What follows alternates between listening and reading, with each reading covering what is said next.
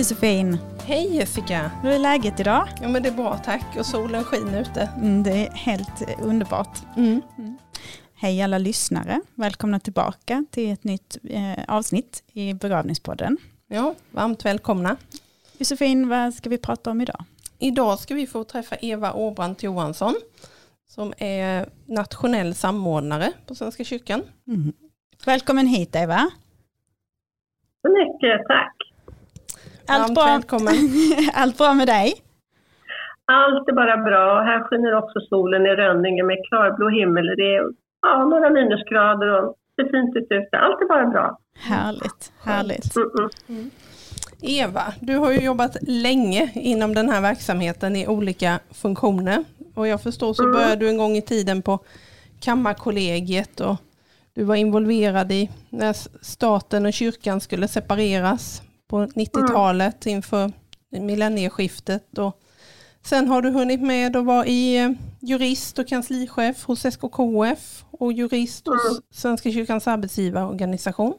Och nu är du då alltså på kyrkokansliet i Uppsala som nationell samordnare. Mm. Det stämmer. Ja, ja det har varit en eh, rolig och spännande resa. Ja, det har varit en jätterolig och spännande resa. Jag fastnade ju för det här med begravningsverksamheten. Jag ska inte berätta så mycket om mig, men jag kom in på det via, jag hade haft, eh, jag var sekreterare i något som heter Resegarantinämnden. Och då hade vi en ganska stor konkurs som hette Expressresor, ett företag. Eh, som, ja, det blev väldigt turbulent. Och när det projektet var slutfört då, då bad jag faktiskt om nya arbetsuppgifter på Kammarkollegiet. Jag var så trött på de där resegarantifrågorna. Eh, och då fick jag lov att jobba med vår generaldirektör och förbereda det som Kammarkollegiet skulle jobba med då i samband med eh, att staten och kyrkan separerade vid millennieskiftet.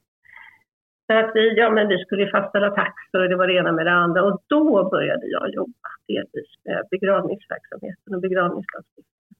Mm. Mm. Och sen har jag varit ute på lite annat mellan varven. Men jag har kommit tillbaka till begravningsverksamheten. Det är olika roller. då. Nej, jag tycker faktiskt det är jätteintressanta frågor. Mm. Ja, jag kan tänka mig att du får höra många olika exempel på ärenden där det liksom kan dras iväg på ett eh, ja, juridiskt Mm. sätt, väldigt spännande sätt. Sådär.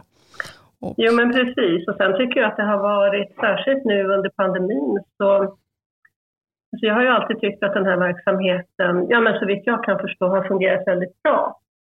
Eh, och nu när den ställdes på prov då, ni vet där i början av pandemin när det var så otroligt, eh, men det var så mycket. Det var ju inte bara enbart det att det var många som avled samtidigt och att anhöriga inte ja, vågade eller kunde ordna med begravningen så att det blev, det blev många avlidna samtidigt. Det var ju också turbulent kring det här med smittan och skyddskläder och vad gällde och hur skulle man hantera. Det var otroligt mycket.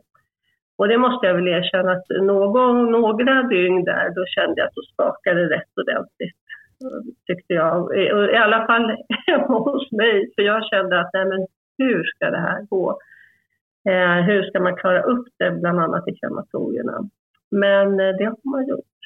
Och det var bara kort som jag kände att det var, kändes lite sådär, hjälp, hur ska det här gå? Tänk om alla blir sjuka, tänk om ännu fler avlider.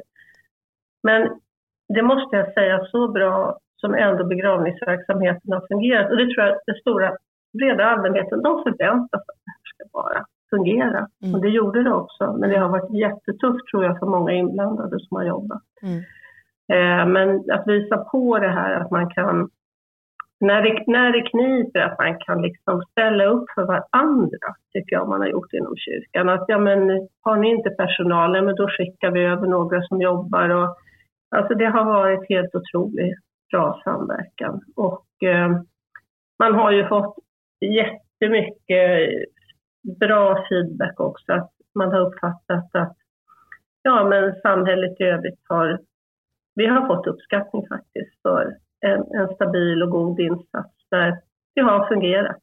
Mm. Och det tror jag det har varit nödvändigt, alltså, för det var så jobbigt under en period. Så nej, jag, jag, det måste jag säga att eh, jag var förvånad. Jag, inte förvånad, för jag hade nog förväntat mig att det skulle fungera bra. Men eh, ja, det, det, nej, jag tycker det var fantastiskt. Du är, du är imponerad och... Ja, verkligen. Mm. Så stor mm. eloge till er som har löst alla ja, situationer ja. ute i, under ja. pandemin. Så. Mm. Ja, verkligen. Ja. Men Eva, vad, du har ju en ny roll sedan ungefär mm. två år tillbaka som nationell samordnare. Vad, vad innebär mm. den här rollen för någonting? Vad gör du till, till vardags?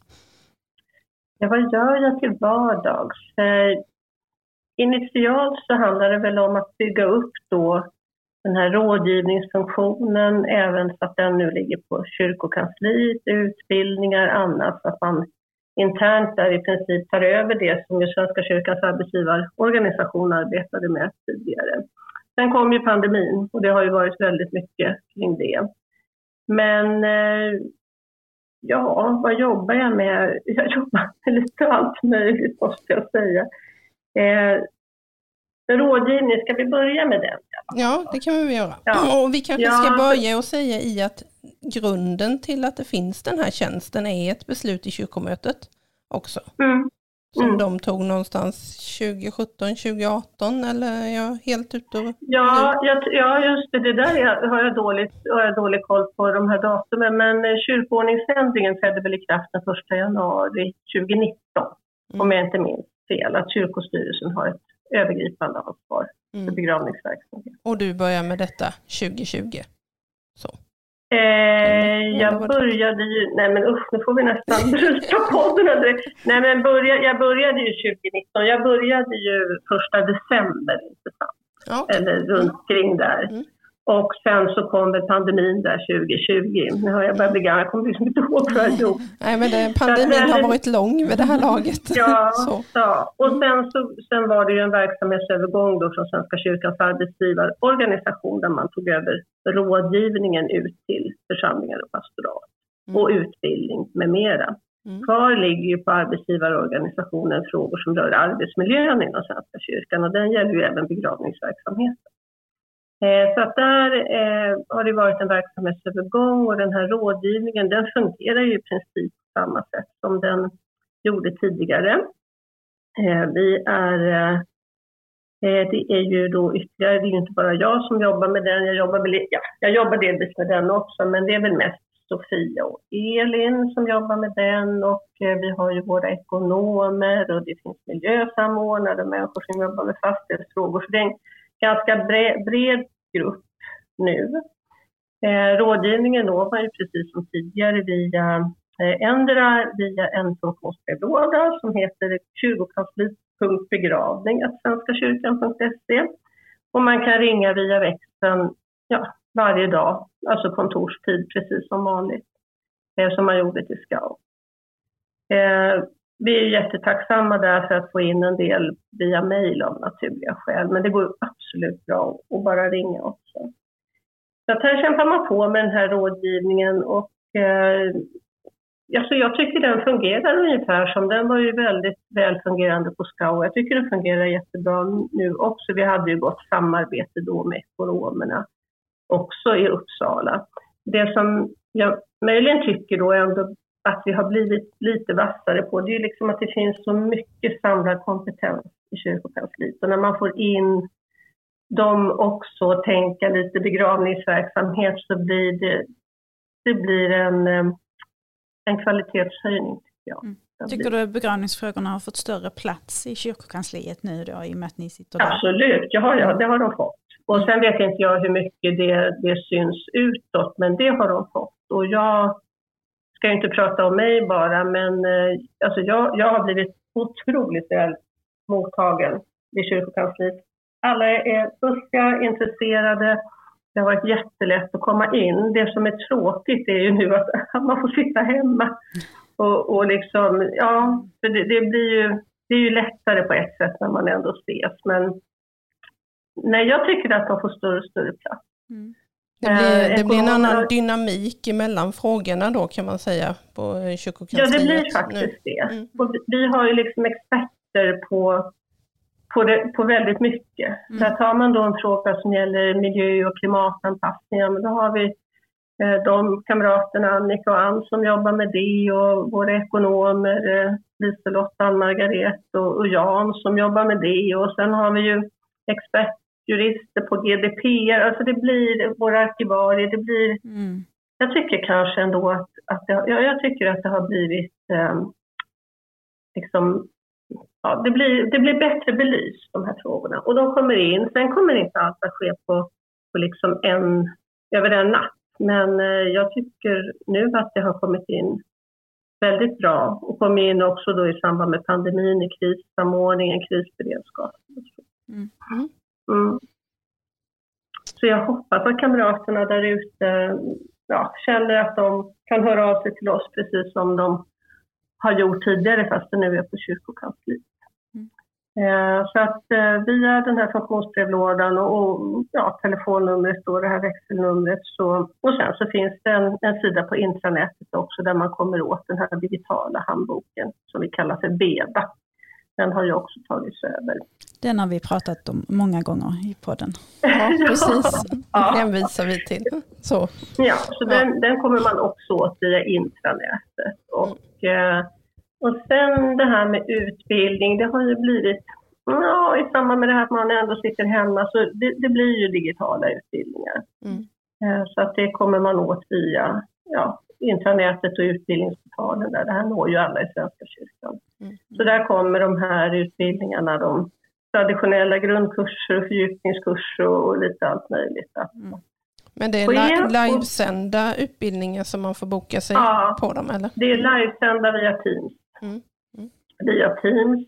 Eh, och eh, sen har vi pratat om i dagarna, det här har vi pratat om länge och jag har gjort reklam om länge så att nu får vi nästan borde kan säga någonting. Men eh, det är att vi ska ta fram också en utbildning, inte, alltså inte, inte lärarledd utan vi, vi tänkte ta fram filmer när det gäller just förvaltningskunskap.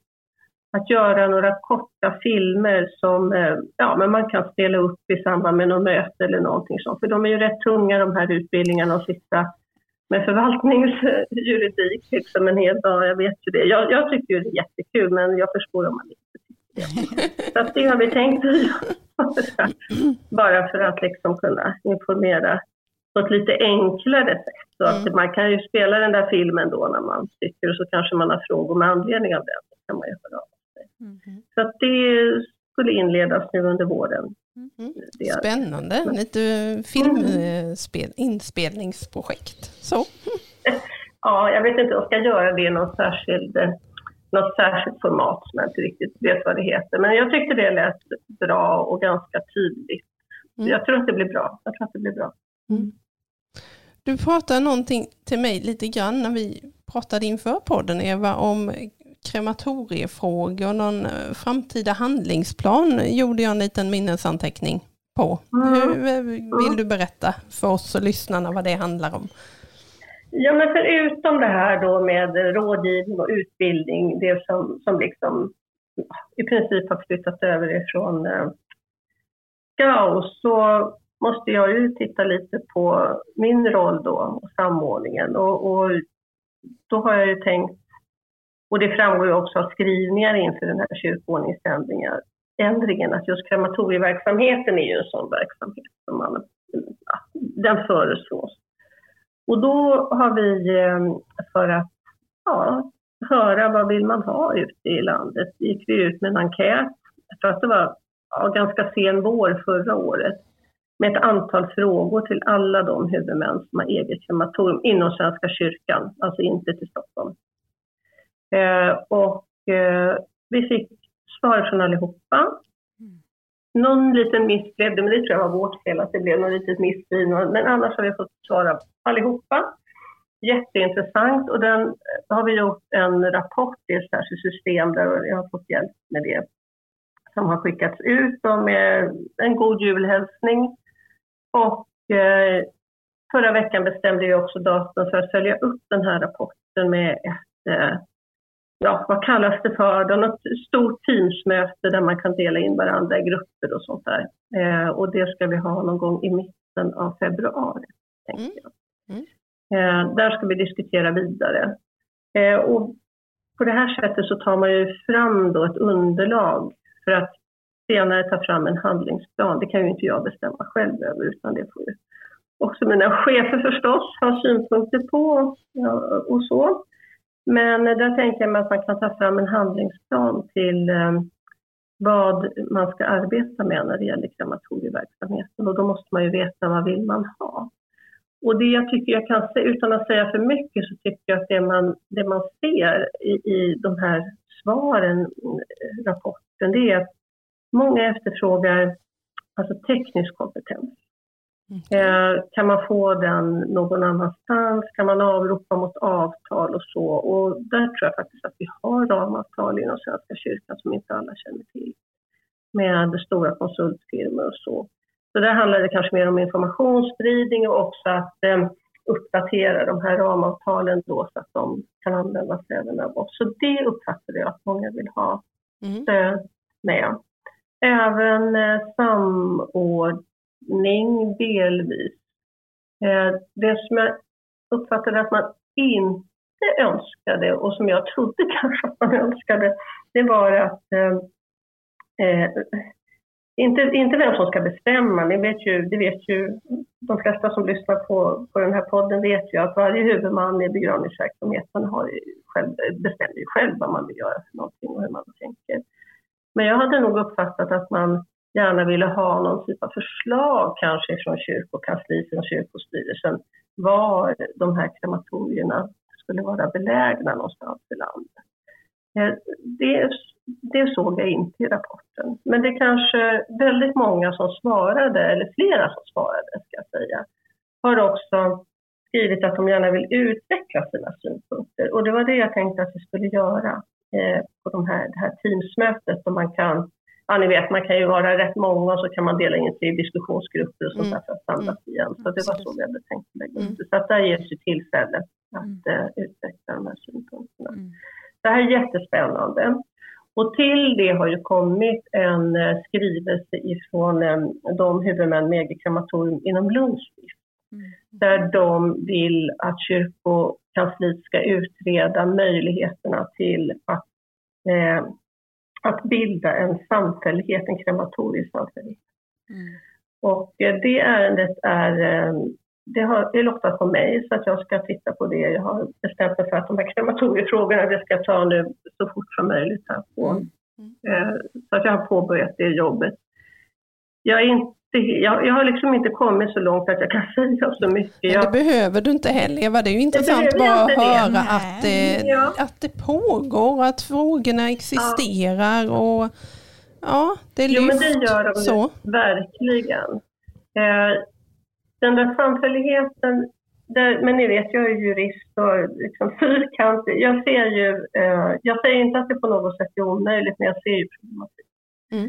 Det är ju kanske till och med så att det behövs lagändring i sådana fall och då är begravningslagen, ja, alltså men det är inte fel att titta igenom det och jag tycker förslaget är, är väldigt, det är väldigt smart liksom mm. tänkt.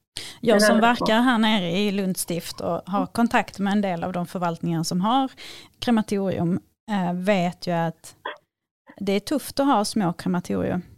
Eh, det är mm. tufft att ha kompetens, det är tufft att ha en miljö som är, som är bra. Eh, och de krematorier som är här börjar ju bli gamla också.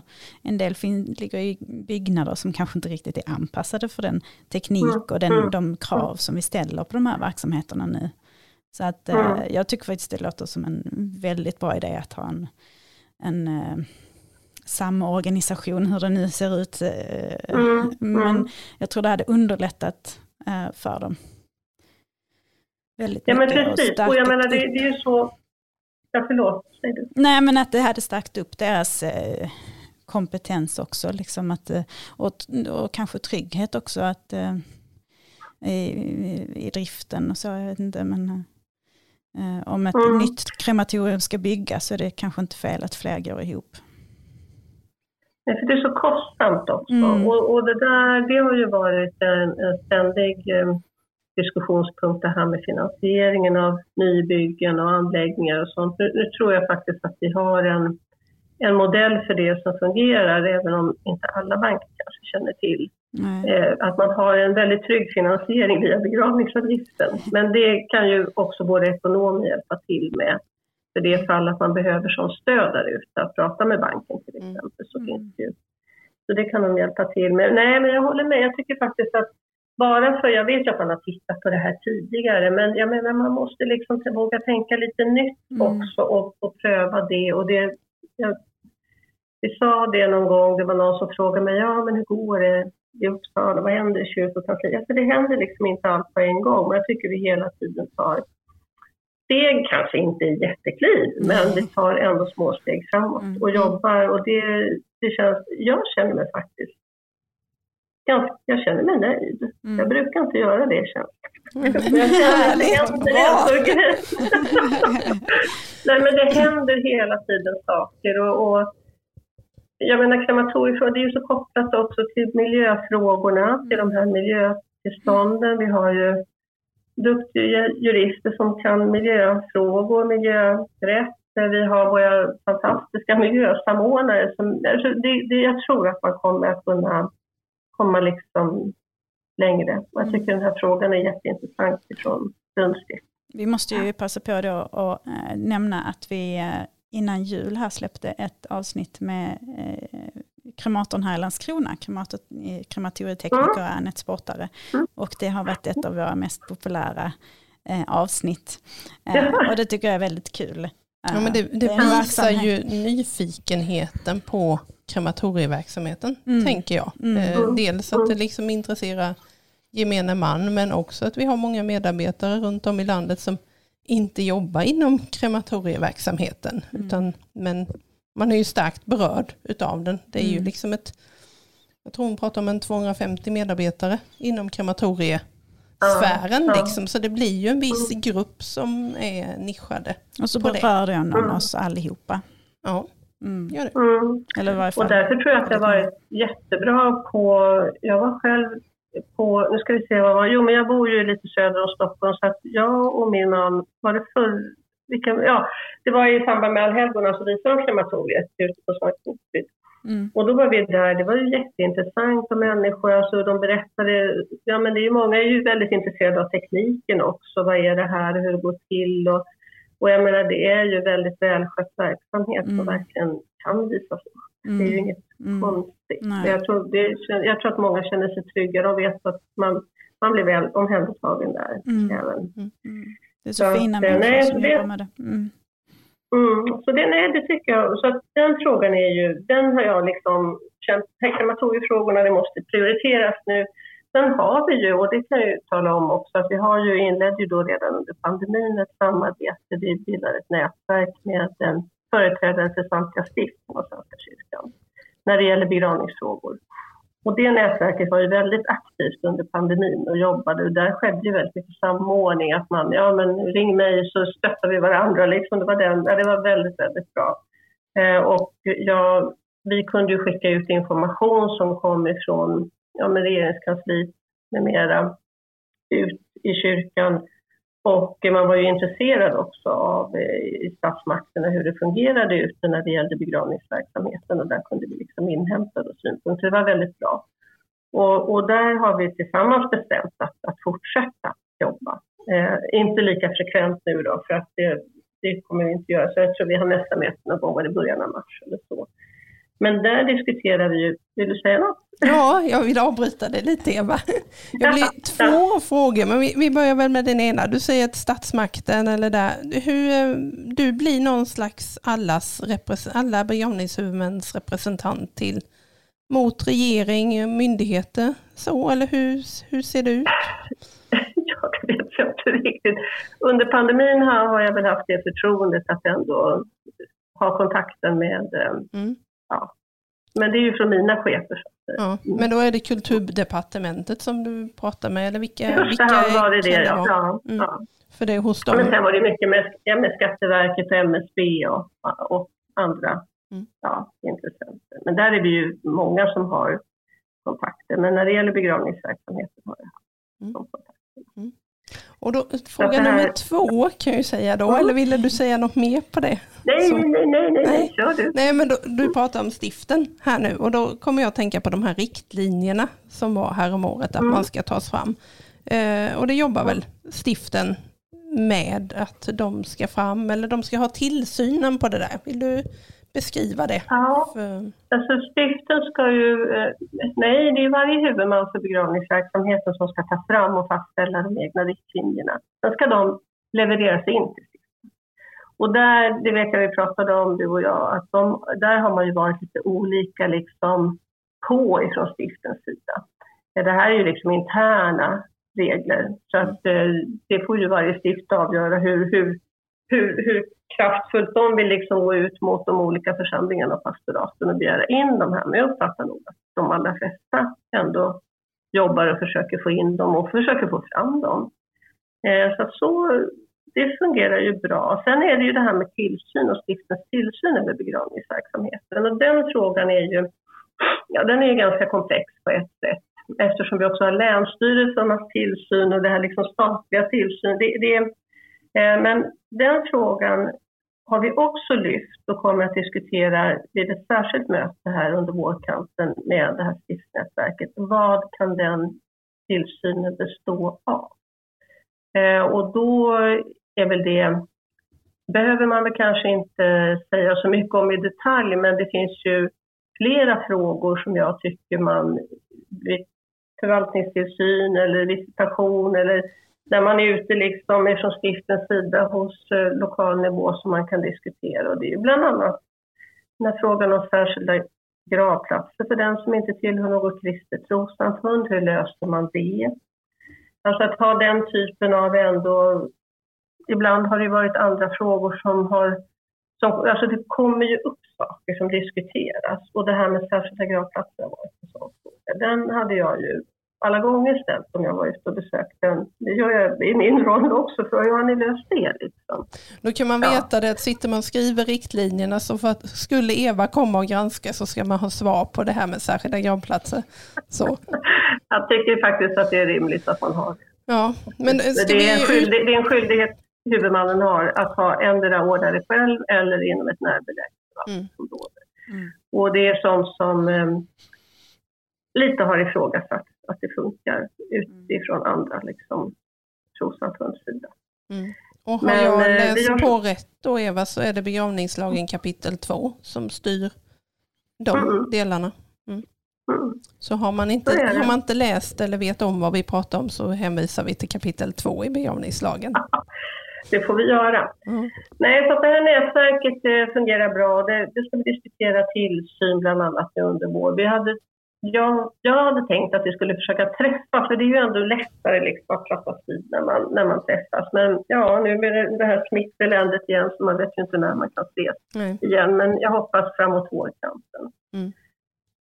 Så det har vi ju jobbat med. Eh, vi har ju, ehm, ja, vad ska jag mer nämna? Jag fick titta ner i bordet. Jag, alltså, vi har också en, en i och för sig i detalj, men en diskussion som har pågått ganska länge, det är ju den här frågan om eh, hur vi ska täcka, och med vi då menar jag huvudmännen ska täcka sina kostnader för gravsättning av avlidna här i landet som inte är folkbokförda. Och det här har ju aktualiserats nu på senare år och det har varit ganska mycket diskussioner mellan kommunerna och huvudmannen. Vad är det egentligen som gäller? Mm. Och vi har haft en dialog med Sveriges kommuner och regioner som påbörjades före pandemin och sen så var det pandemi och då var det annat vi pratade med dem om och nu har vi liksom talat om saken igen. Eh, och eh, utan att säga för mycket har vi väl inte haft samsyn tidigare, men det har vi nu. Okay. Eh, så att jag och Sofia var med på en eh, sån här webbutsänd information till kommunerna med SKR här för några, ja, efter, nog efter jul. Eh, och jag tyckte det, det var jättebra. Vi har, vi, har kommit, vi, vi har samsyn i det att huvudmannen måste täcka sina kostnader.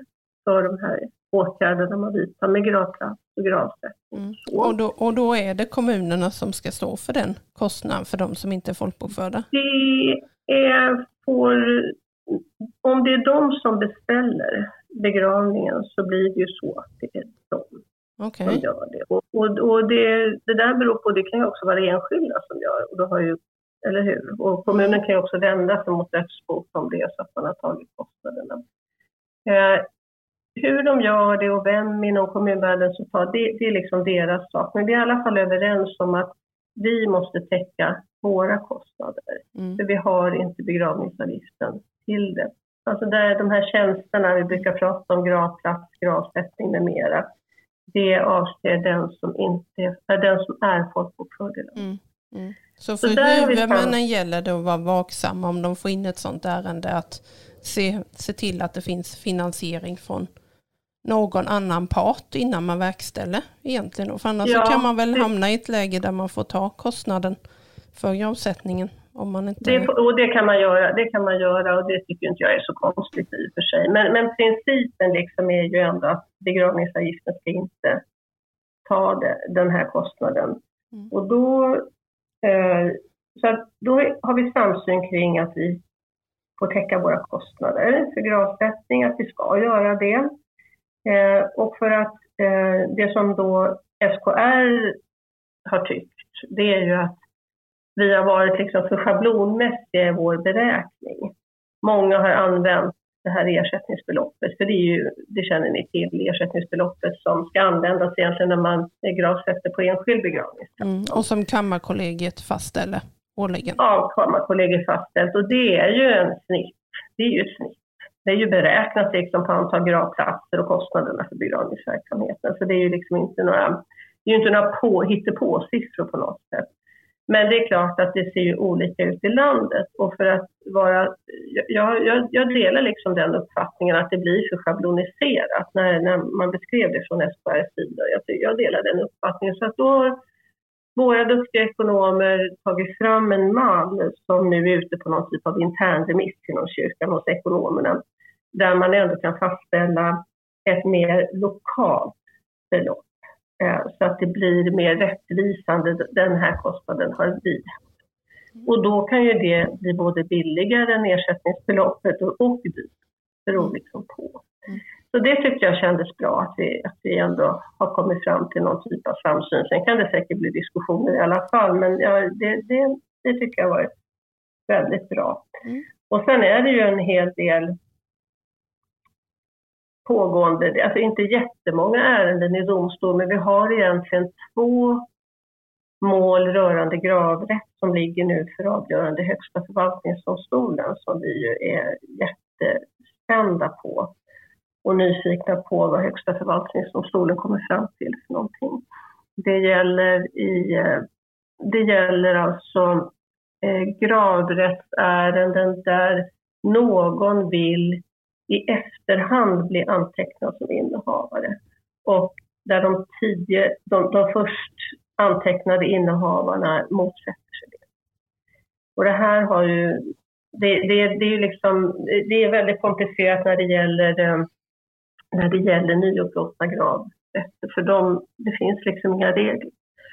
Och eh, man har bedömt ganska liknande situationer olika i de olika kammarrätterna. Så att det, jag måste säga att vi, alltså egentligen så, jag, jag, vet inte vad som är rätt eller fel. Eller egentligen vet jag inte vad jag tycker om saken. Det här är ju... Det viktiga är att få ett avgörande mellan, kanske. Ja, ofta så är det ju en sak mellan närstående. Mm. Men våra, våra kamrater ute i kyrkan måste ha någonting att hålla sig i när de ska fatta beslut. Mm. Och det är ju jätteenkelt om alla är överens och säger men det är helt okej att min syster också är med som gravrättsinnehavare, då är det ju bara att anteckna in. Mm. Eh, men om man inte är överens, och det är ju det som tyvärr man ser allt oftare idag, att nej, du får inte vara med, det vill inte jag. Och då, är, då måste vi ha någonting att hålla oss i att, att kunna fatta de här besluten, för man hamnar liksom i jättekomplicerade situationer där, där det oftast är väldigt infekterat också mellan de här parterna som, som tvistar. Mm. Så ja, vi får se, vi hoppas på att det, det kommer klara och tydliga avgöranden, det kommer det säkert att göra här framöver. Alla Men då har, har du lite spännande ärenden hos, du sa högsta förvaltningsdomstolen där, sen finns det lite ärenden hos förvaltningsrätterna om kulturarv och den biten, så där är väl mm, någon mm. ny vägledning på gång eller hur, vad, vad vet vi där? Ja, egentligen vet vi inte så mycket mer än att eh, Riksantikvarieämbetet gick ut med ett förslag till nya föreskrifter till fjärde kapitlet kulturmiljölagen här för, ja men det är nu ett tag sedan alltså, det är väl ändå ett par år sedan. Och jag menar, det är, oh, tjata om pandemin, men alltså det, det, hela, det har liksom stoppats upp, för där var det mer att klara liksom dagen. Det, det har nog varit lika för alla tror jag. Mm. Men, eh, och kyrkans yttrande, vi motsatte oss ju väldigt mycket där när det gällde begravningsverksamheten och det med stöd av begravningslagstiftningen faktiskt. Eh, och sen har man väntat och väntat och jag, jag har hört att man, någon har sagt på något möte, ja men nu sa de att det kommer snart, men det har liksom inte kommit några nya föreskrifter. Och nu kom det faktiskt här om veckan ett besked från Riksantikvarieämbetet att de inte kommer gå ut med nya föreskrifter i den form då som de hade hade tänkt utan nu kommer man att istället se över den här vägledningen som finns. Så det är det vi vet. Mm. Och sen finns det ett par ärenden, ja det är säkert flera ärenden i förvaltningsdomstol som gäller eh, kultur, eh, kulturmiljölagen och begravningslagen. Eh, och ett av dem är ju, det är intressanta frågor alltså. Det, här är inte, det här är inte enkelt. Men... Nej, för det känns som att den arbetsdelen den bara ökar och ökar hos huvudmännen mm. i att ta hand om mm. kulturarvet och hur, mm. hur mycket kulturarv ska man egentligen hantera som huvudman. Liksom. Det, men det, det, får vi nog ta i ett annat poddavsnitt. Det får vi ta i ett annat poddavsnitt. Och jag menar, för, jag, jag, alltså för mig är ju det här med kulturarvet det är ju jätteviktigt. Så det, det är absolut inte så. Utan det jag har möjligen tyckt i några sammanhang det är att när att det sätter liksom huvudmannen för begravningsverksamheten i liksom ganska svår knipa där så att man vi måste ju tillämpa den lagstiftning vi är satta att göra, begravningslagen, och den ger ju faktiskt gravrättsinnehavaren väldigt stor bestämmanderätt över gravplatsen. Om man vill ändra någonting, ja men då gör man det. Liksom. det, är, om, det om man är gravrättsinnehavare. Och det, det, är just när det där det blir svårt, jag tänker att det blir svårt att tillämpa för, för kamraterna i kyrkan. Det, man, har, man har tillräckligt att göra ändå för att det ska vara massor med saker som är oklara. Liksom. Hur ska man hantera och komma kanske i kläm med en, en enskild som vill någonting och tycker att man har rätt mm. till det. Mm. Eh, det har varit svårt. Men jag jag håller väl med dig Eva, att kulturarvet är ju superviktigt men sen samtidigt är det ju då ja. en aktiv gravrätt och det är levande personer och mm. olika familjebildningar, olika viljor. Och, mm. Ja, det är inte mm. enkelt så. Um. Nej. Nej, men det, ska, det, det, det är jätteintressant. Och sen hör ju det till systemet också, att man, att man, eh, är man inte, har man liksom olika uppfattningar, men det är ju inte så att man är ovänner på något sätt, utan man, man ser reglerna, man läser dem på olika sätt, man tolkar utifrån vi. Ja, men jag gör ju det utifrån hela tiden begravningsverksamhetens perspektiv, att det ska liksom fungera, och ja, utifrån kyrkans också förstås. Men då, ja, då, då blir det ju ibland så att det inte riktigt man har samma uppfattning och då så ibland så överklagar man för att få liksom reda på vad är det då som är rätt här och hur ska vi tillämpa. Så det är, det är, liksom, det är ju så det fungerar. Mm. Om detta, och det ska vi göra för att du kommer tillbaka till oss redan nästa avsnitt. Eh, men för nu så vill vi tacka för detta avsnitt och välkomna er tillbaka eh, snart igen.